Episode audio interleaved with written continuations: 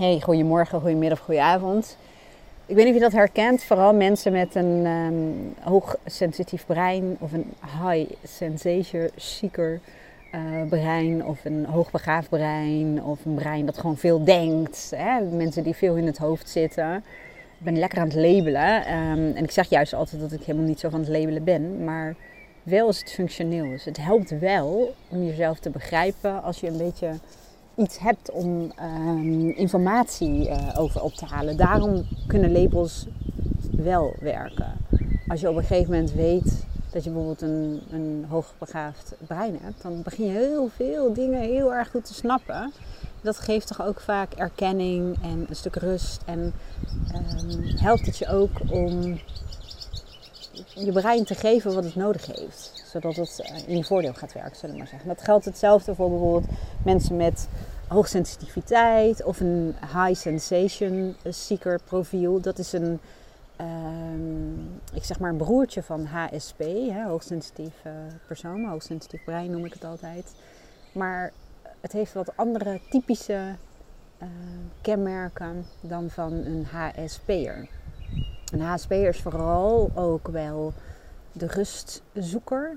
Hè? En, en, die sensitiviteit uh, die is heel duidelijk aanwezig. Ik ga nu even niet in wat die sensitiviteit dan is. Maar een high sensation seeker, die heeft nog net weer wat andere typische kenmerken. Die wil juist heel graag geprikkeld worden. En die zoekt soms het randje op om uitgedaagd te worden.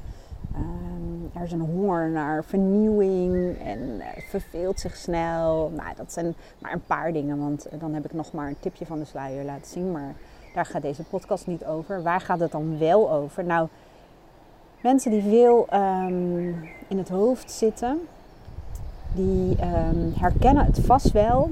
Vooral mensen die ook nog heel veel ideeën hebben en heel, een heel associatief brein hebben. Um, dat ze op een gegeven moment op een, moment hebben dat ze denken: ja, ik zou dit kunnen doen, zou dat kunnen doen, kan dat doen, kan dat doen, kan dat. Ja, je wordt al helemaal uh, gek als je er naar luistert. En dat zorgt voor bepaalde onrust, net als hier nu buiten is trouwens. Er is een stormpje gaande, dat hoor je misschien vast wel. Dus dat is een mooie um, symboliek, zullen we maar zeggen, over waar deze podcast over gaat. Um, er is dan chaos of twijfel of onrust, of hoe je het ook zou willen uh, benoemen.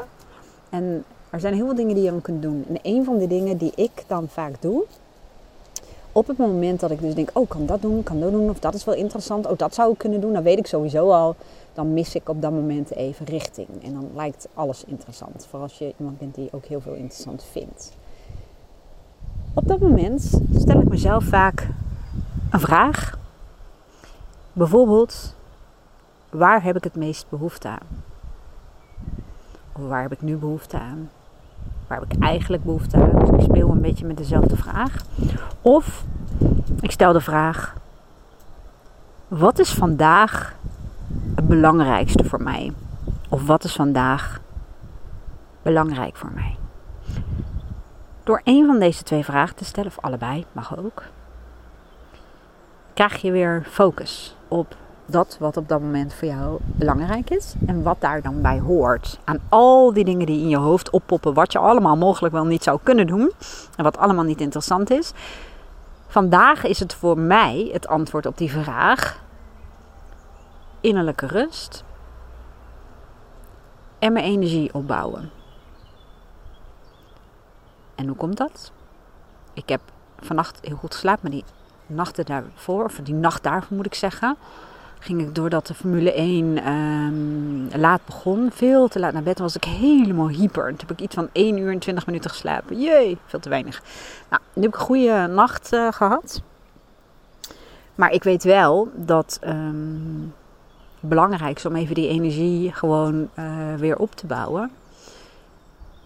Want dan is het wat duurzamer, om maar even een containerbegrip te lanceren. Dan, dan uh, blijft mijn energie um, stabiel. Als ik nu vandaag in één keer al die energie ga gebruiken aan van alles en nog wat, dan weet ik wel hoe morgen eruit ziet.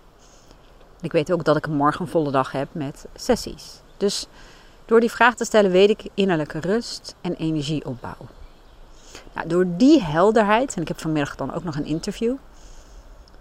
Nou, als ik dan antwoord op een vraag uh, geef, dan is het vooral plezier in het interview hebben. Maar doordat ik nu weet innerlijke rust, energie opbouwen, kan ik veel makkelijker een keuze maken wat daar dan vandaag aan bijdraagt in de tijd voordat het interview begint. En in één keer weet ik heel helder, oh ja, dat kan gewoon even lekker liggen zijn. Even relaxen of naar muziekje luisteren, even opladen en dan het interview voorbereiden. En zo maak ik vaak keuzes. Dit is een manier om dat te doen, maar dit is er wel eentje die je makkelijk kunt doen. En ehm, waar je niet een heel onderzoek voor hoeft te doen. Hè, voice dialogue kan je ook doen met verschillende kanten, maar dat kost vaak wat meer tijd. Maar door deze vraag te stellen, dus waar heb ik nu behoefte aan? Waar heb ik het meest behoefte aan? Waar heb ik eigenlijk behoefte aan? En of de vraag, wat is vandaag belangrijk? Wat is vandaag het belangrijkst voor mij?